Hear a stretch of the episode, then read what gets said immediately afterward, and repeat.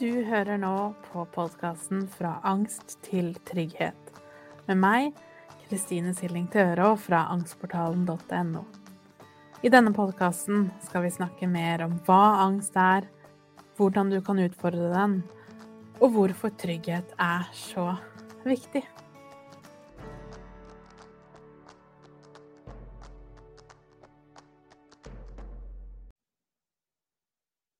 Hei og velkommen til episode nummer 40, hvor jeg skal være ganske ærlig med deg, og personlig.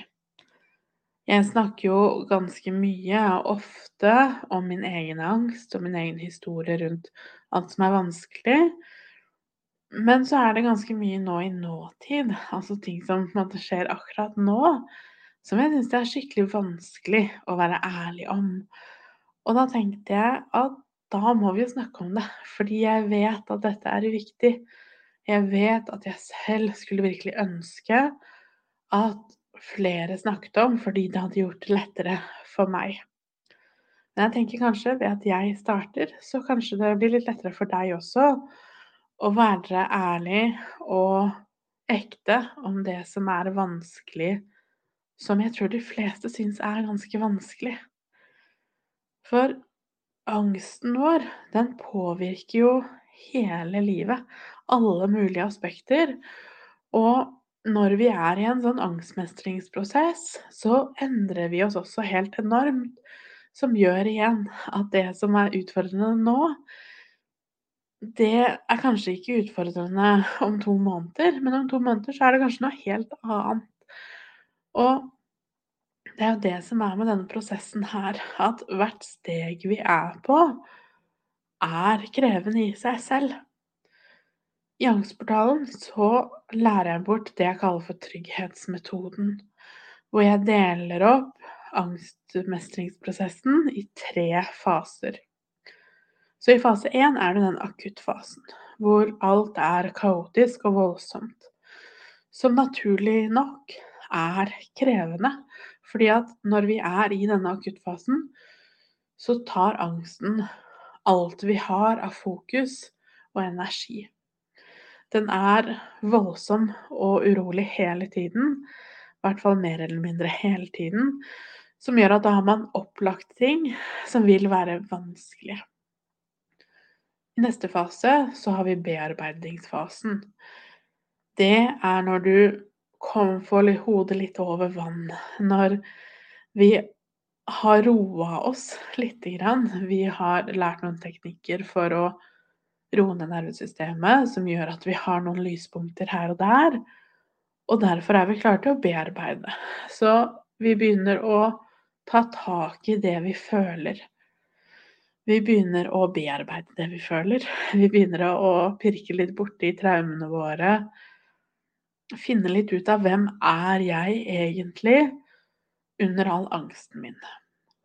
Og så i siste fase, den tredje fasen, der handler det om vedlikehold. Som handler om hva skal jeg gjøre nå og videre. Ikke sant? Hvordan skal jeg kunne møte det daglige stresset? Og det er nettopp det jeg har lyst til å snakke om i dag.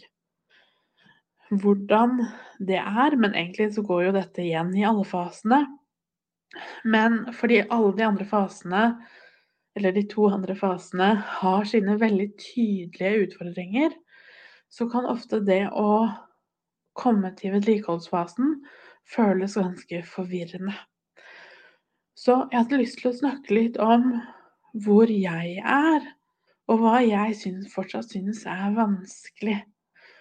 For som sagt, når vi står midt i den verste angsten, så er det jo opplagt vanskelig. Fordi at de helt dagligdagse tingene føles som helt umulige oppgaver. Så, og for meg så var det f.eks. å bare gå i postkassa føltes som en helt umulighet. Men så demper jo angsten seg etter hvert. Og for meg i dag så er det ikke noe sånn nevneverdig angst i forhold til de tingene jeg hadde angst for tidligere. Så jeg kan dra hvor jeg vil, jeg kan gjøre hva jeg vil. Jeg måtte lever et liv i dag som er så fjernt fra alt jeg noensinne kunne drømt om at det skulle være. alt fra å holde foredrag til å ja, gjøre egentlig alt jeg gjør i dag, hadde jeg aldri i verden sett for meg at jeg skulle få til. Men som med alt så blir det jo en vane, og derfor så er det veldig normalt for meg i dag å skulle snakke høyt, eh, sånn som jeg gjør akkurat nå, eh, og vise meg på den måten. Men det som vi kanskje ikke snakker om, er jo at mens vi går igjennom denne prosessen, den angstmestringsprosessen gjennom trygghetsmetoden, så kommer vi ut i andre enden, og livet skjer jo underveis hele veien.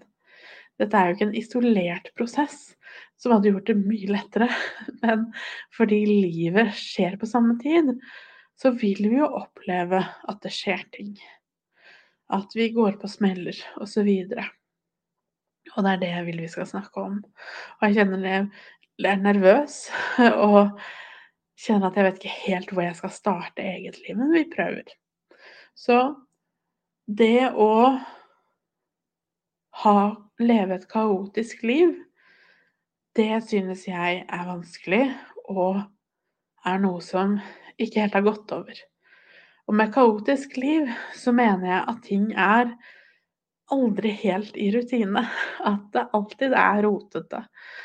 At det alltid er noe man burde rydde opp. At jeg har en fireåring, som betyr at jeg på fjerde året ikke sover nok, som gjør at jeg blir kjempesliten og er utafor pga. det hele tiden. Um, på jobb skjer det jo hele tiden nye og, uventede ting. Um, og ikke minst når vi har gått igjennom den trygghetsmetoden, så begynner vi å legge merke til våre egne mønstre. Som gjør at vi også begynner å legge merke til personer rundt oss, om det er familie eller venner og mønstre som kanskje ikke er så heldige for oss, men som vi ikke la merke til tidligere, fordi angsten var så høy at den tok alt fokus. Som gjør at man begynner å se ganske ærlig på verden rundt seg, på familie, på venner, som sagt, og ser at ting jeg trodde var på en måte, kanskje er på en helt annen måte. Som igjen skaper sitt eget lille herlige kaos. Og ikke minst at det er krevende for kroppen og selvfølgelig for psyken å ha gått gjennom denne prosessen. Og det tror jeg ikke at jeg egentlig helt er kjent på før nå. Fordi som sagt, når man står midt oppi det, så er det bare det som er fokus, naturlig nok. Men etter hvert når angsten demper seg, og til man kommer litt mer ovenpå, så merker man at egentlig så har jeg ikke tatt vare på meg selv i prosessen i det hele tatt. Så det å øve på å møte det daglige stresset, det synes jeg er noe av det vanskeligste. Og det å For det er én ting å møte det daglige stresset, og en annen ting er å være ok med det. Altså det å være ok med at dette her er vanskelig for meg. Å være ok med å ha dårlige dager um, de siste månedene. Det vil nok alle som har eller har hatt barn i barnehage, kjenne til. Idet det så vidt blir litt høst, så kommer sykdommene på, på løpende bånd. Og her har vi jo hatt Først så starta det med at Linné hadde hånd-fot-munn-sykdom, tror jeg det heter. Med en gang hun ble bedre fra den, så kom vannkopper. Og så hadde vi øyekatarr, og så hadde vi vanlige forkjølelser. Og så hadde vi legevakt med masse greier. Og så når barnet er friskt igjen, så kommer jo da vi blir selvfølgelig syke og forkjøla hører du på tredje forkjølelsen nå på rad, som jo gjør at alt blir jo ekstra slitsomt. Og det som jo da er noe av clouet, noe jeg jobber veldig med med meg selv, er jo å være OK med at nå er jeg ikke helt i form. Eller OK med at nå må klesvasken må vente. Nå må oppvasken vente. Nå trenger jeg å sove, jeg trenger å hvile, jeg trenger å gjøre alle de tingene som jeg har lært meg i løpet av trygghetsprosessen at jeg trenger å gjøre for å ta vare på meg selv. Og ikke minst normalisere overfor meg selv at det er normalt. Jeg trodde ikke det var normalt. Jeg trodde at alle andre hadde helt uh, rene, ryddige, perfekte hjem. For det er jo det vi blir vist, ikke sant? Det er jo ganske morsomt, egentlig, at hvis du hadde kommet på besøk til meg, så hadde jeg gjort alt jeg kunne for å vaske og rydde så det så helt perfekt ut til du kom. Og hvis jeg skulle komme til deg, så hadde du gjort det samme. Som jo betyr at ingen av oss egentlig hadde sett hjemmene våre i en naturlig tilstand. Hvor leker er overalt. Hvor det er masse oppvask på benken, og det er rotete på badet. Og det er klesvask her og der som aldri helt finner veien til, til den kurven det skulle ha ligget i. At alt er litt sånn på halv tolv. Og det er normalt, og det vet jeg er normalt fordi jeg har snakket så mange, med så mange av dere. Fordi jeg er så heldig å ha lov til å være terapeut for så mange, så har jeg fått alle de historiene. Og jeg tror jo mer vi kan være ærlige på hva som er sannheten, jo mer er det jo eller jo lettere er det jo for andre å også være ærlig på det. Og så tar det vekk litt av skammen rundt det. Fordi vi har jo så mye skam og dårlig samvittighet knytta til det å ikke være det, den perfekte utgaven. Det å ikke kunne holde ting som du ville at det skulle ha vært. At hverdagen alltid er litt haltende, og det virker aldri som man kommer helt à jour med noe som helst. Og hvis vi hadde fjerna den skammen og dårlig samvittigheten rundt det, så hadde vi jo også sluppet å bruke energi på det. Som jo betyr at vi hadde hatt mer energi i utgangspunktet. Jeg har hørt en veldig fint eh, bilde på akkurat det her, hvor du kan se for deg at hver dag så får du utdelt et visst antall skjeer. Så det gjennomsnittsmennesket har kanskje ti skjeer. Men hvis du har mye angst, har du færre skjeer. Så skjeer blir jo på en måte da energien du har. Har du ADHD eller andre eh, tilstander, så har du også kanskje mindre skjeer. Er du utmatta, har du, har du kanskje to skjeer i løpet av dagen. Og de skjeene, de bruker du på alt du gjør. Så du står opp om morgenen, det koster én skje. Og så tar du en dusj, det koster én skje. Så Tar du oppvaska, koster kanskje tre skjeer. Og det betyr jo at regnestykket ikke går opp. Hvis du da starter med fem skjeer, og når du legger deg, så har du betalt åtte skjeer, så sier det seg selv at det går jo ikke rundt. Som betyr at du må låne tre skjeer fra neste dag. Og på den måten så går det jo mer og mer haltende, og til slutt så er det jo bare gjeld. Du har ikke mer å gi.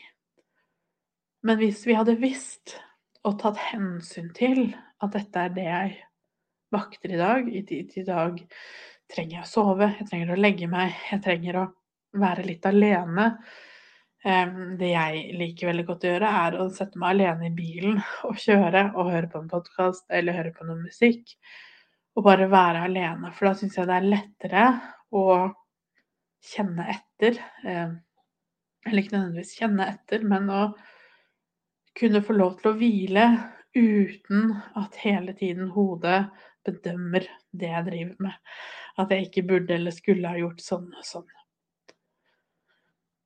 Og det å vite at det er faktisk sånn at det vi legger ut på Instagram f.eks., det er jo de fem sekundene av dagen hvor ting var på stell. Mens resten av døgnet, hvor kanskje fireåringen din er konstant misfornøyd og hyler og skriker og kjefter, og du må bruke alt du har av energi på å romme de følelsene, til tross for at du knapt klarer å romme dine egne følelser, så ville vi hatt mye lettere for å kunne stå i situasjonen vi står i selv. For det å være menneske, uansett hva du går igjennom, uansett hva som har skjedd med deg, er krevende. Og vi kan ikke sammenligne mengde krevenhet, i, i den grad det er et ord i det hele tatt. For det du har opplevd, det er mye for deg. Og det jeg har opplevd, det er mye for meg. Og da har vi mer enn nok med det vi har fått servert. Så uansett om det er vanskelig, og om det ene eller andre har skjedd, så tenker jeg hvis vi kunne bare vært enige om at det er vanskelig, det er krevende, det er krevende å leve, det er krevende å sette mat på bordet, det er krevende å gi seg selv det man trenger, møte egne behov, det er krevende når man begynner å se mønstre i familien, f.eks., man ikke var klar over tidligere. Det er krevende når vi begynner å få tilgang til egne følelser, som er jo ganske gøy, egentlig. For det er jo det vi jobber så hardt med i den prosessen her, å få tak i følelsene våre. Men så er det ikke noen dans på roser når vi først har fått tak i følelsene, fordi det er ofte vonde og vanskelige og krevende følelser som kommer opp. Så selv om det er viktig og bra og riktig, så er det krevende, og det tar energi. Og vi må få lov til å synes at det er vanskelig. Og ikke hele tiden måtte finne ting vi er glade for, eller eh, takknemlige for, osv. Og vite at det er 100% mulig å elske barnet ditt overalt på jord, og samtidig ha lyst til å låse det inne i kottet og bare få fem minutter. Det er helt lov, og det er helt normalt. Og jeg tror hvis vi tillater oss selv å tenke de tankene, liksom i forrige episode når vi snakket om tankekjør og det som er normalt å tenke Hvis vi hadde tillatt oss selv å tenke de tankene uten skam, så ville det vært så mye enklere for oss også å hatt energi til det vi ønsker å bruke energi på. Så hvis du kjenner deg igjen i det jeg snakker om her, og du syns det er vanskelig, vite at jeg er her sammen med deg. Jeg også syns det er vanskelig, og det er greit. I perioder, og for veldig mange, så er det jo veldig sånn også utover høsten og vinteren at det blir litt ekstra tungt. Så mange kjenner på det samme, uansett hva som er grunnen til at du kjenner på det, om det har skjedd et eller annet helt konkret nå, eller det er en sånn generell uro eller generell vansker med å bare føle at man er et menneske, nærmest, og føle at man får til å gjøre de tingene man ønsker å gjøre. du vet at du er normal, og du er 100 verdig selv om ting er vanskelig. Du har lov til å sette grenser. Du har lov til å gjøre det du har behov for. Og vite at jeg jobber med det samme akkurat nå også. Det å ta tid til å sove litt på dagen og hente meg selv litt inn. Det å gjøre ting jeg ønsker å gjøre. Det å tillate meg selv å ikke måtte fikse alt hele tiden. At det, nå er det rotete, og sånn er det bare, og det er ingen som dør av det. Det går helt fint. Vi kan ta det når vi kommer så langt. Men å rett og slett skape litt ro rundt det å rett og slett være menneske. Om det handler om å være forelder, om det handler om noe på jobb, om det handler om noe ellers i livet ditt. Vi får det til. Vi får lov til at det er kaotisk og haltende, og det er normalt. Helt, helt normalt. Så ta godt vare på deg selv. Si ifra hvis det er noe jeg kan hjelpe deg med. Så snakkes vi. Ha en fin dag. For å lære mer om angstmestring og mine metoder, så går du til angstportalen.no. Du finner meg også på Instagram som Angstpedagogen, Og på Facebook som angstportalen.no, der har jeg også en gratis Facebook-gruppe hvis du har lyst til å komme i gang og bli kjent med andre som har det på samme måte.